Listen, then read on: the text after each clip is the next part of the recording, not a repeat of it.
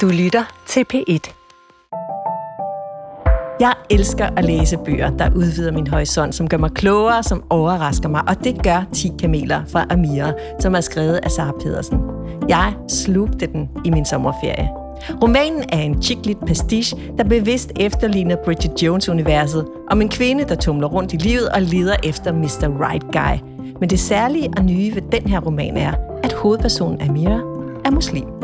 Og forfatteren sidder lige over for mig her. Velkommen, Sara Pedersen. Jo, tak. Jeg har glædet mig til at møde dig og til at høre dig fortælle om romanen. Øh, for du har lukket mig ind i en verden, som for mig var ukendt i forvejen. Ja, jamen, jeg tror, der er rigtig mange, der har det på den måde. Vil du ikke læse den første sætning i, øh, under kapitel 1? Jo, det kan jeg godt. Lige slå op her. Jeg er ikke en fucking pebermø. Og så Pedersen, ja. Hvorfor begynder vi sådan her? Øhm, jeg tror, at øh, da jeg, da jeg besluttede mig for at skrive den her historie, så var det det der med, at jeg ville prøve at komme ind på emnet med det samme, i stedet for sådan at tumle rundt for meget. Og jeg ville bare gerne ind til the core of the problem, hvilket er, at hun føler, at hun måske er en pebermø, mm. men der er en masse sådan modstand, indre modstand fra hende i forhold til at være det. Så det var sådan en, ud med det, ud med det med det samme. Og det er jo ikke noget sådan udbredt positivt at være en pebermø. Men hvorfor er det så, øh, så forfærdeligt for Amira at skulle havne i den kategori? Altså det betyder jo dybest set, at man ikke er blevet gift, inden man er 30. Ja, jeg ved ikke, hvordan aldersmæssigt ligger. Ligger den stadig på 30 generelt? Det er derfor, man det giver peber i øh, nogle kulturelle kreds i Danmark. Gør man? Ej, hvor sjovt, ja. det vidste jeg faktisk ikke Nu lærte jeg noget nyt. øhm, men ja, altså det der er ved Amira, det er jo faktisk fordi, at hun også er, har en arabisk kultur bag sig. Øhm, og med den arabiske kultur, og det der ved jeg, der er mange, øh, hvad skal man sige, minoritetsetniske danske kvinder derude, som, som har en arabisk kultur, eller måske endda en sydøstasiatisk øh, kultur bag sig, som vil kunne genkende til, er der et kæmpestort stort pres for at blive gift meget tidligt. Øh, om, om man siger det, siger det direkte, eller om det er mere indirekte i kulturen, så er det sådan noget med, jamen hvis man er 30 år ugift, så er det ikke det fedeste, og man mærker helt klart et kæmpestort pres som etnisk kvinde, øh, mm. øh, når man ikke er gift. Så. Og så siger hun fucking også. ja. Hvilket passer lidt dårligt til, at Amira er jo en, en uh, ung uh, altså, kvinde med universitetsuddannelse. Og sådan. Det er et voldsomt udtryk. Hvorfor bruger hun det ord? Hun bruger, altså hun... Hvorfor bruger hun det ord? Hun bruger det ord, fordi det, det ord bruger man. Altså det er, jeg tror, en af de ting, som jeg også rigtig gerne ville have i bogen, og i hvert fald i Amira, det var, øh, øh, hvad skal man sige, jeg vil rigtig gerne åbne op for øh, den der menneskelighed i stedet for, at det er en karakter, mm. at det er noget, vi kan genkende. Jamen, vi, vi betragter os selv som værende gode mennesker, men vi snakker pænt til hinanden. Men når vi sidder i vores egne tanker, så er det røv, og det er fuck, og det er motherfucker. Og, altså, at vi, vi er faktisk inde i os selv, når vi er frustrerede, sidder vi ikke og siger, ej, for pokker. Altså, og, og, og man, man er en, en universitetsstuderende, øh, eller øh, hvad skal man sige, øh, har en univers, universitetsbaggrund med sig, har et godt job, om man er religiøs, øh, om man er fra en arabisk kultur eller ej, så kommer de udtryk også bare med. Og jeg tror, at der var rigtig meget i mig, som ville, ville gøre op også med den der stereotyp om, at især muslimske mm. kvinder måske er lidt for bliver be, sådan betragtet måske lidt for stereotypt i den der sådan gode pige. Ja, den pæne pige. Ja, ja, den pæne pige, som egentlig ikke skal sige sådan nogle ting. Og der havde det sådan lidt, men lad os lade være med at være blinde over for, at vi også bare er mennesker, altså. Lad os lige prøve at snakke lidt mere om handlingen i uh, ja. 10 kameler fra Amira. Uh, Amira har, har studeret, hun har fået et drømmejob på et øh, PR-byrå i uh, London. Hun er 29, selvstændig og uafhængig, uh, og hun har det godt med sine veninder.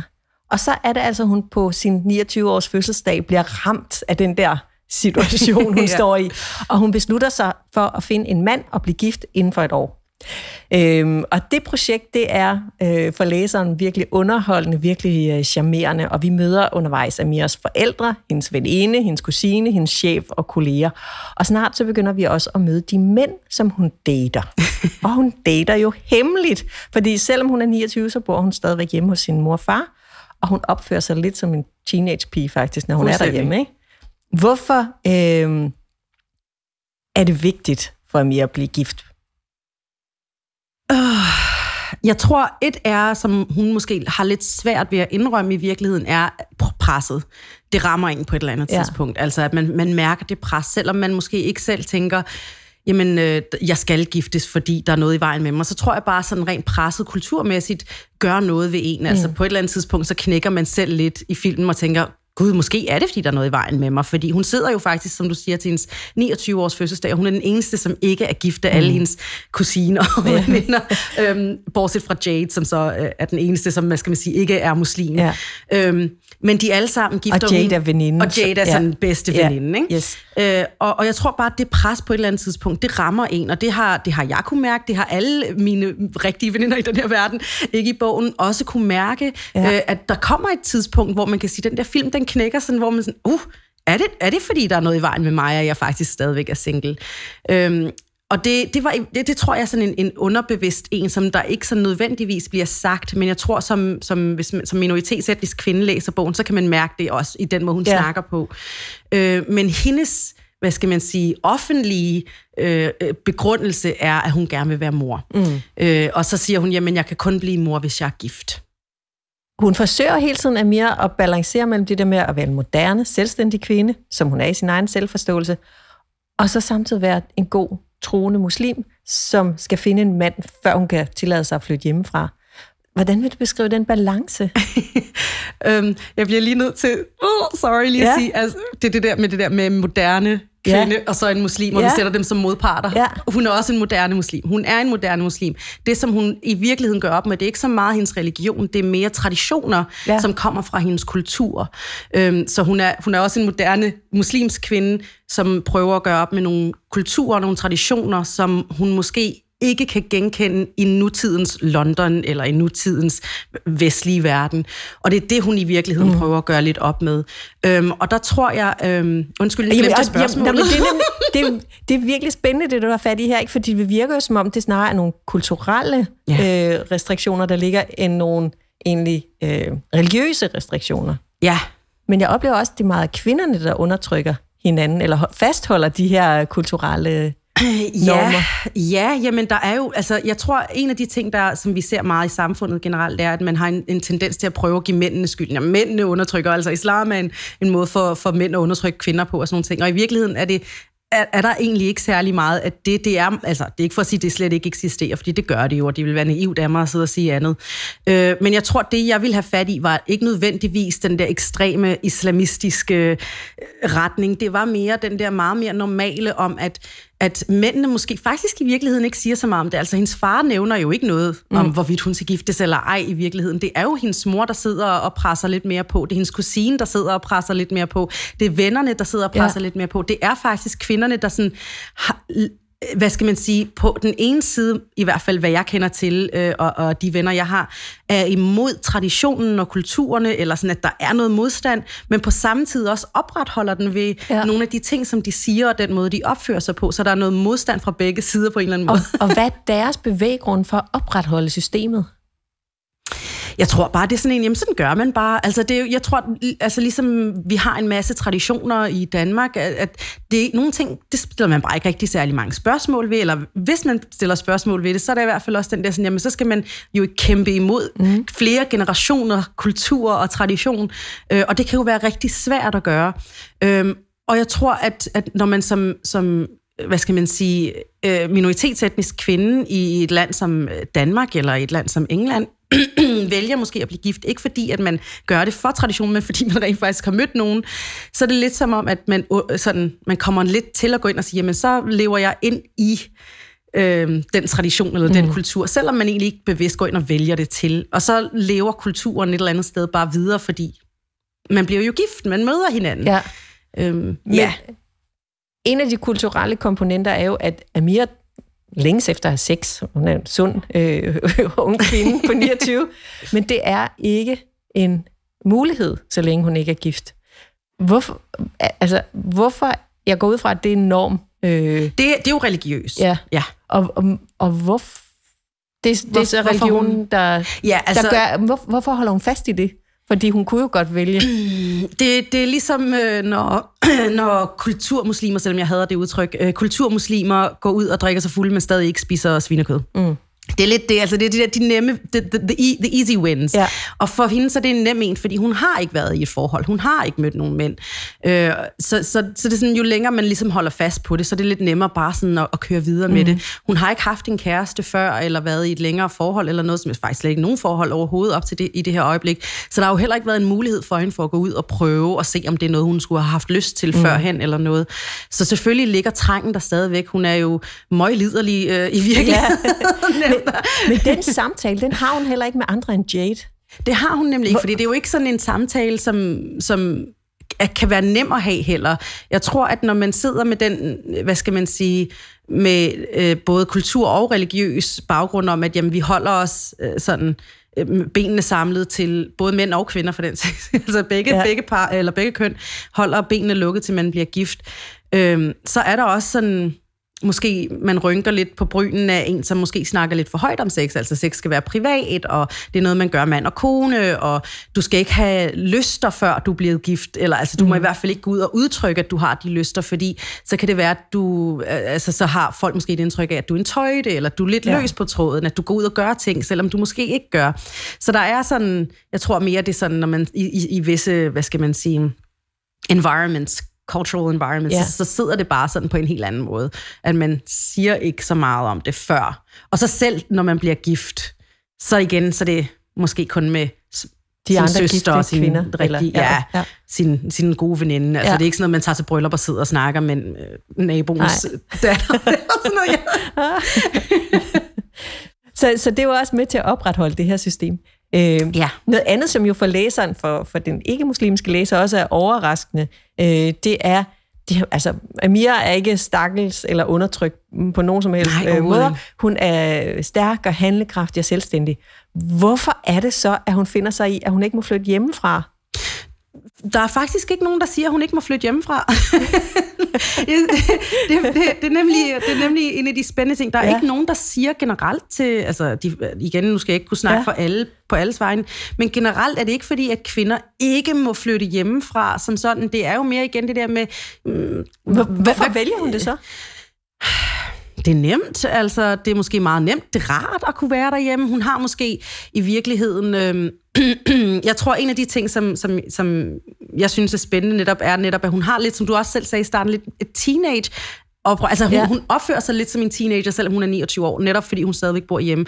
At hun måske i virkeligheden stadigvæk er i gang med at gøre det der oprør. Og en af de ting, som jeg genkender fra nogle øh, af mine veninder, er, at de, altså sådan, øh, som, som har den samme baggrund som jeg, er, at deres teenage-oprør kommer senere. Ja. Øhm, fordi at de har sådan prøvet at, at være den, den gode, dydige datter øh, igennem teenageårene, og så lige mm. pludselig så finder man ud af, hov, nu er jeg 25, og jeg har faktisk slet ikke haft det der oprør. Jeg har ikke haft den der, den der kamp, hvor jeg finder min egen individuelle stemme, min, hvad, hvad står jeg for, hvad vil jeg, hvordan mm. vil jeg bo, hvad vil jeg gøre med mit liv. Så den kommer tit også senere for mange af de her kvinder. Og det er lidt det, vi ser i Amira i en, den spæde alder af 29 år. at hun oplever lidt den der teenage-oprøret ja. i virkeligheden, hvor, hvad kan man sige, Jade måske havde gjort det, da hun var ja. 14-15 år. Det gør Amira nu ja. som 29-årig. Så den identitetsdannelse, hvor man hos øh, altså typisk danske unge finder måske, var de 15 til 19, eller ja, til, altså, i starten af 20'erne, den kommer faktisk lidt senere. For nogle gange, ja. ja og det, det er nemlig en af de ting, som jeg virkelig gerne ville have frem, og det er jo også derfor, ja. jeg ikke gjorde hende som 21-årig eller et eller andet, for det ja. havde været lidt for tæt på, ja. men, men ligesom at vise, at for nogen så kommer den kamp bare senere, og det er jo, det er jo et spørgsmål om, hvor man også selv er i sin, sin rejse. Nu er Amira, hun har ikke rigtig tænkt over det, hun har faktisk været helt okay med at være single, og lige mm. pludselig så rammer det hende, hun er den eneste, der ikke er gift. Ja. Og det gør jo, at det sætter nogle ting i gang for hende, og en af de ting, det er jo for eksempel, gud, jeg er 29 år, jeg bor stadigvæk hjemme. Øhm, og men, men i hendes verden har det jo bare været, jeg gik bare ud fra, at når jeg bliver gift, flytter jeg bare med min mand til ja. hans hjem. Men hun var jo ikke blevet gift, så hun blev ligesom bare boende. Der var ikke en grund til at flytte. Jeg kunne tænke mig, at du læser en bid op, så lytterne de kan høre den her humor, som er i romanen, altså tonen i romanen, og det er side 6. Øhm, side 6? Ja. Okay. Før, før du læser, så kan jeg lige fortælle, at Amira øh, her beskriver det, som hun kalder den gammeldags version af arabisk Tinder, hvor det er dine forældre, der swiper for dig. Yes, netop. Fint. Den dating, jeg taler om, er den slags, hvor det første møde foregår foran begge familier. Den slags, hvor man er anstændigt klædt, men stadig forsøger at være attraktiv. Man mødes ikke på en eller anden fancy restaurant i City. I stedet sidder man pludselig i sin forældres dagligstue og spiser couscous med fingrene af en stor tallerken, som alle deler.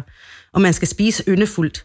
Ikke fordi din date sidder overfor og knokler stenhårdt for at imponere dig med flirtende blikke, men fordi din mor sidder overfor og sender dig rasende blikke, mens hun mimer ordet aib, som betyder uhøfligt, hvis du propper for meget i munden og risikerer at ligne en, der ikke har spist i flere dage.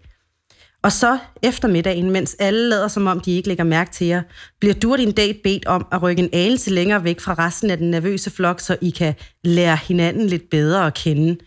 Ingen flirten, knap nok øjenkontakt, kun en akavet energi, der bølger mellem jer. Okay, det sidste kan sagtens ligne mange normale dates, men kun hvis de er dårlige. Og aftenen afsluttes ikke med det altafgørende kys. Er du vanvittig? Du er heldig, hvis du slipper afsted med et håndtryk, og du siger farvel med en erbød i bøn, erbød i bøn og alle gode ønsker til hans forældre. Bagefter takker du Gud for dine mange velsignelser, og måske tør man håbe det nært forestående bryllup, som vil tilsmile de to familier. Det er det, jeg kommer fra. Hollywood ville visne og dø, hvis de forsøgte at lave romantik ud af det. Men romantik eller ej, det virker. I mange kulturer verden over er det den måde, man starter en familie på. Mange mennesker bliver gamle med en person, som de mødte første gang på gruppedate med deres forældre. De lærer at elske hinanden undervejs, selvom kærligheden ikke nødvendigvis var drivkraften til at begynde med. Jeg er bare ikke sikker på, at det er noget for mig. Mm. Ja, Amira siger, Hollywood ville visne og dø. yes. og jeg har jo ikke tidligere stødt på en øh, humoristisk roman, der på den her måde beskriver en muslimsk kvinde, der leder efter, øh, der begynder at date og, og leder efter en mand. Og jeg ved, at det er du heller ikke. Øhm, du har let efter den her type chick tidligere. Hvorfor synes du, der var brug for den her roman? Øhm, altså, for, øh, for mit vedkommende, øh, som man siger, man skriver jo bogen, fordi man selv gerne vil læse den på en eller anden måde. Øhm, jeg er vokset op med Bridget Jones, jeg er vokset op med Nynnes dagbog, Sex and the City, Shopaholic-serien. Jeg er vokset op med den her kvindelige heroine, som bare var super selvstændig og kunne gøre, hvad hun havde lyst til, og stadigvæk på en eller anden måde, selvom hun måske var fejlet på nogle punkter, stadigvæk kunne finde den her fantastiske mand, mm. og bare blive smask forelsket i ham. Øhm, men jeg savnede jo lidt at, øh, at få en vinkling på, som også gjorde den lidt religiøs, fordi jeg er jo vokset op mm. religiøs. Så det betød jo, at jeg kunne jo ikke gå ud og opføre mig som Carrie fra Sex and the City. Altså, jeg kunne ikke gøre som Bridget Jones og bare gå ud med mine venner og bare drikke mig fuld og komme hjem og så tage til mine forældre dagen efter med tømmermænd. Det kan godt være, at jeg gjorde det, men det var ikke fordi, man skulle være stolt men, men altså, at det, der var bare nogle helt andre, hvad skal man sige, rammer omkring den måde, jeg kunne gå ud og møde mænd på og, og opføre mig på. Øhm. Og en af rammerne, det er jo, at Amira, øh, hun skal jo vælge en muslim, så hun finder vej til en muslimsk app, og hun ja. begynder på sådan noget muslimsk speed dating. Ja. øh, findes det i virkeligheden? Ja, ja, ja, det gør det. Der er mange af dem. der er mange af dem, der er både sådan øh, websites, og så er der også, øh, jeg tror, der er for eksempel øh, den, der hedder, der er jo Tinder, men så har vi jo, fordi det skal være muslim Tinder, så hedder det Minder eller Minder, jeg ved ikke, hvordan man udtaler okay. det, for eksempel. Øh, og så er der Musmatch, jeg har været på det med. Okay. det er det, jeg ved det. Til research og også før det. Sara Pedersen, du er født i 1987. Du er 34 år, og du er opvokset på Nørrebro i København. Din mor er marokkaner, og mange ved, hvem din far er, når jeg fortæller, at han øh, er, har været imam på Nørrebro. Han er, ja. han er imam på Nørrebro, og han hedder Abdul Wahid Pedersen. Så er du uddannet i journalistik og har boet 10 år i London. Og din første virksomhed, den hed øh, Healthy Hijab, øh, hvor du var personlig træner og kostrådgiver, og nu bor du i Ishøj med din mand og er livsstilscoach og meget mere. Fordi du har også været vært på DR1-serien Kampen om mig, hvor du portrætterer en række danskere med en anden etnisk baggrund. Og så har du været på podcasten Salam Dol, der udkommer hver anden uge, er på engelsk og henvender sig til muslimske kvinder. Og så har du super aktiv på øh, Instagram, TikTok, Facebook. Og du har mange gange skulle svare på, hvad din far synes om den her roman. så jeg, kunne, jeg vil gerne høre, hvad synes din mor om den? tak. tak for det spørgsmål. Min mor er rigtig glad for, at jeg har skrevet den her bog. Hun har været super støttende hele vejen igennem. Hun synes, det har været øh, rigtig fedt. Hun har, mens jeg spurgte, tit spurgt ind til, sådan, hvornår kommer den ud, og øh, hvor langt er du kommet med det? Hvad sker der med bogen? Så hun er meget interesseret i den. Øh, hun har ikke læst den, for hun læser ikke dansk, øh, men min far har jo øh, fortalt hende, øh, hvad det handler om, og hun synes jo, det lyder spændende og sjovt. Øh, men hun er bare mega stolt, øh, ligesom min far for den sags skyld er. De er hele min familie faktisk, både brødre og søstre, der er kusiner, onkler, tanter, de er alle sammen mega stolte af mig og virkelig, virkelig glade for bogen. Nu har jeg lyst til at stille dig et privat spørgsmål, mm-hmm. fordi ja, dit personlige valg af partner, øh, din mand er fraskilt og har en, en datter fra et tidligere ægteskab. Shame on him. ja, jamen det er det. Er det. Det er vel heller ikke helt konventionelt, eller hvordan? Nej, det er fint. Okay. det er helt fint. Det, øh, det er den anden vej, det går. Det, hvis, det var, hvis, hvis det var mig, der var fraskilt med en pige, så, så havde det måske ikke været det, det, det, det fedeste sådan, øh, i kulturen, øh, hvad skal man sige. Og i mit blik, der er det jo dobbeltmoral. Fuldstændig. Hvordan har du det med den dobbeltmoral? Men, men det er jo helt forkert. Det er jo helt det, det er skudt så ved siden af alt, hvad der giver mening, og der er logisk i den her verden. Det er, det, der er intet religion over det. Det er alt sammen bare kultur, og det er det er forventninger til kvinder, som vi også ser i, i, hvad skal man sige, den vestlige verden, som kvinder bare ikke kan leve op til, og det er jo helt åndssvagt, at, at, at man som kvinde, øh, når man bliver skilt, lige pludselig bliver set på lidt som sådan en, ah, you've been used now, jeg kan mm. ikke rigtig bruge dig. Og med, hvorimod en mand er sådan et, ej, han har været gift før, så det betyder jo, at han, han rigtig gerne vil. Og jeg tror, ved du hvad, det gør vi faktisk ikke engang kun i de arabiske kulturer, fordi det ved jeg faktisk også, at der er rigtig mange af mine ikke-muslimske og ikke-arabiske veninder, der også har sådan, om han har været gift før, han har børn, så han vil jo gerne gerne, øh, altså han er jo ikke bange for at knytte sig, og jeg, det er hele den tankegang, som vi som kvinder, uanset etnicitet, nogle gange sætter på mænd, at det er sådan en god ting, hvis en mand har været skilt, og mm. hvis en mm. kvinde har været skilt, så er det sådan, hvad gjorde hun forkert? Der er også kvinder, der bare skynder sig at løbe, hvis han har børn i forvejen. Det er rigtigt. men det der med, om han har været gift eller ej, det er måske mindre Ja, nej, afgørende. men altså, det er sådan, altså jeg, har, jeg har meget tit hørt det der med sådan, Nå, han, har været, han har jo været gift før, så det betyder jo, at han er jo ikke bange for at knytte sig. Altså, mm. han er ikke bange for det der commitment Spændende. og sådan nogle ting. jeg ved det ikke, det er en mærkelig verden. 10 kameler fra Amira, det er din debut som forfatter. Den foregår i London. Hvorfor har du valgt det? Øhm, et var, at jeg skriver meget bedre på engelsk, end jeg gør på dansk. Så det var bare nemmere sådan ligesom at, at have en, en historie, der foregår på, i England, når man skriver på engelsk. Øhm, men to var også, fordi at mange af de ting, som jeg rigtig gerne ville have frem i historien, som hun skulle kunne gøre, ville være meget svært for hende at gøre i Danmark, fordi den danske kultur ikke er så langt fremme, desværre, på mange områder, når det kommer til minoritetsetniske øh, beboere, mm. og især for folk med øh, muslims baggrund. Og derfor kunne jeg sætte den i London øh, og gøre det til, hvad skal man sige, den historie, som jeg rigtig gerne ville have ud, øh, hvor hun ikke nødvendigvis møder en masse diskrimination, diskrimination eller racisme eller noget andet. Så der er simpelthen forskel på at være muslimsk kvinde i London og i København? Kæmpestor. Ja. Kæmpestor. Ja.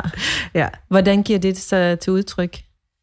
Øh, det kan det jo på mange, øh, på mange måder, men det er jo bare et spørgsmål om, som for eksempel at kunne, nu tager hun jo for eksempel til speed dating, muslimsk ja. speed dating, at, at det er meget normal ting at gøre øh, i London. Det foregår hele tiden. Der, jeg tror, hver uge har de øh, muslimsk speed dating.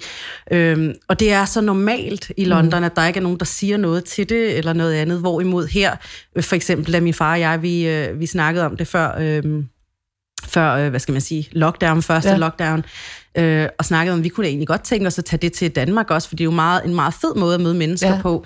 Der var der en masse folk, der sådan, hov, ej, men kan man det? Og altså, ja. sådan, altså det, måske sådan lidt mere, det er lidt langsommere i optrækket nu. Ja. Fordi vi sidder sådan lidt i Danmark og har vores rutiner, og hvad er vi vant til, og så er det lidt svært at introducere nye ting ind.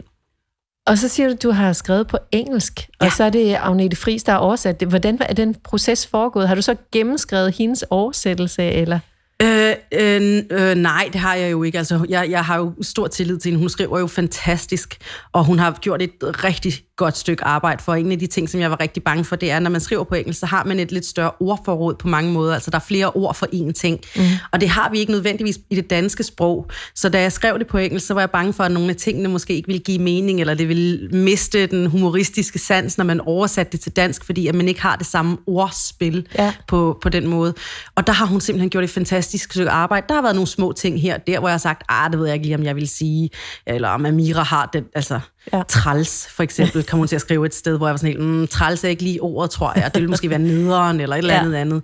Men hun, havde, hun gjorde faktisk et helt fantastisk stykke arbejde, så det, som jeg skulle gå ind og gøre, var meget minimalt tonen i din roman, den er jo let og, og, og humoristisk. Det er som at, at tale med en, en god veninde. Øhm, Ej, det er jeg så glad for, at du siger. Det var lige netop det, jeg ville have. Ej, men det er fuldstændig... Jamen, du, du rammer den her genre fuldstændig øh, rent. Det er virkelig dejligt. Og, og så er du også god til at male de der barokke scener og pinligheder frem. Øhm, Når man har levet det, så er det nemt. ja. øh, men det, og det minder jo også lidt om Bridget Jones, ikke? Altså den her måde, at Mia er selvironisk, at hun er morsom, øh, og også med handlingen, hvor, hvor hun dater en fyr, som har potentiale til at blive hendes mand, men så falder hun så for en anden mand, som ikke har potentiale. Øh, mm. Altså to mænd, klassisk ja. dilemma. Hvordan kan det være, at du valgte den her komedieform? Øhm, fordi jeg vidste, at, at, der ville, at det kunne hurtigt blive for tungt. Øh, og jeg synes, at vi har en debat verden over, øh, som, kan, som meget hurtigt er meget tung. Der er ikke plads til at sige noget forkert. Der er ikke plads til at begå fejl. Der er mm. ikke plads til sådan ligesom at måske være selvkritisk eller kritisk over for andre, før man ligesom bliver, du ved, cancel culture er stor. Ikke? Øh, og der tror jeg bare, at jeg vil vise lidt, at det er okay. Vi må godt grine lidt. Altså, vi må godt være selvkritiske. Vi må også godt være kritiske over for hinanden. Øh, det, er ikke, det, det behøver ikke at være så heldigt alt sammen. Mm. Lad os grine lidt af det, fordi vi har jo alle sammen vores fejl, og i virkeligheden virkeligheden, så er vi jo alle sammen lidt ligesom Amira. Vi prøver os jo bare frem og håber på det bedste. Øh, og det er egentlig lidt det, det, det skal være. Altså sådan er livet for os alle sammen. Og så er der nogen af os, der bare tager det lidt mere heldigt end andre. Det gør jeg ikke personligt, og det gør Amira heller ikke. og for mig som læser er det enormt afvæbnende, det her. Det er virkelig en god indføring i, øh, i nogle kulturelle øh, forhold og sådan noget. Og også en sproglig indføring, fordi der er flere steder i romanen, hvor, hvor du bruger øh, arabiske udtryk, og så står det oversat efterfølgende, hvad det betyder. Øh, Habibi, øh, som vi jo er vant til at høre, men som vi lige får slået fast, det betyder ven eller skat. Ja. Øh, og salam alaikum, kifak. Ja. øh, ja, kifak. okay, hvordan har du det? Ja. Øh, og det er rigtig fint. Øh, det lærer mig også noget om, om måden, man kommunikerer på. Ja. Øh, og så gør det mig nysgerrig, fordi hvad var det for en læser, du havde i tankerne, da du skrev den her bog?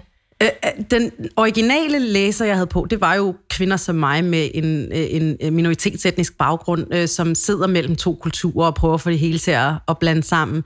Den det var sådan, hvad skal man sige, den første prioritetslæser. Den anden læser, som jeg også tænkte, det kunne jo også være rigtig fedt, hvis de samlede op, det var jo folk, som ikke havde en øh, minoritetsetnisk baggrund, eller folk, som ikke havde en muslimsk baggrund. Mm.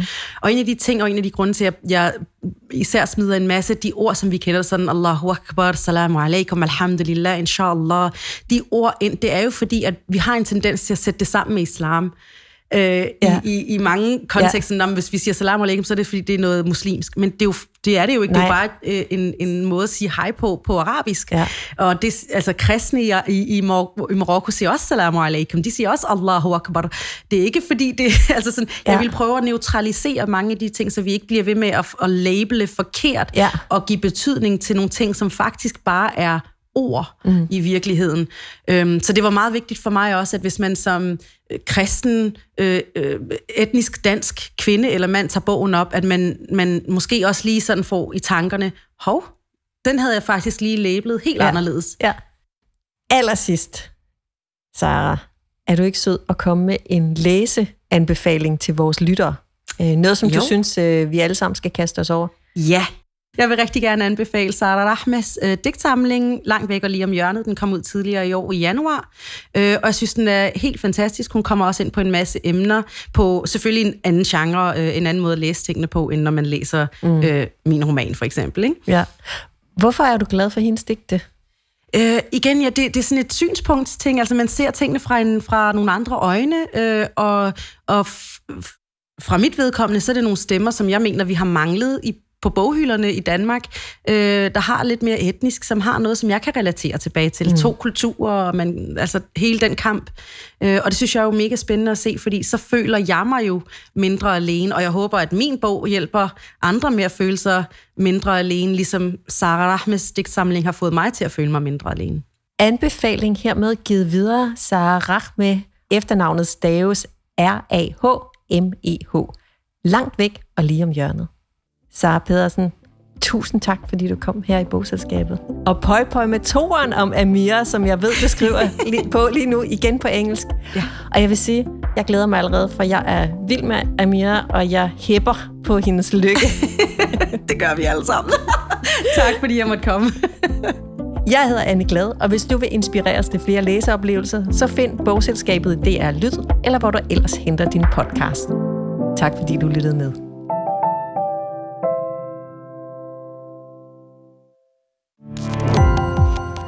Gå på opdagelse i alle DR's podcast og radioprogrammer. I appen DR Lyd.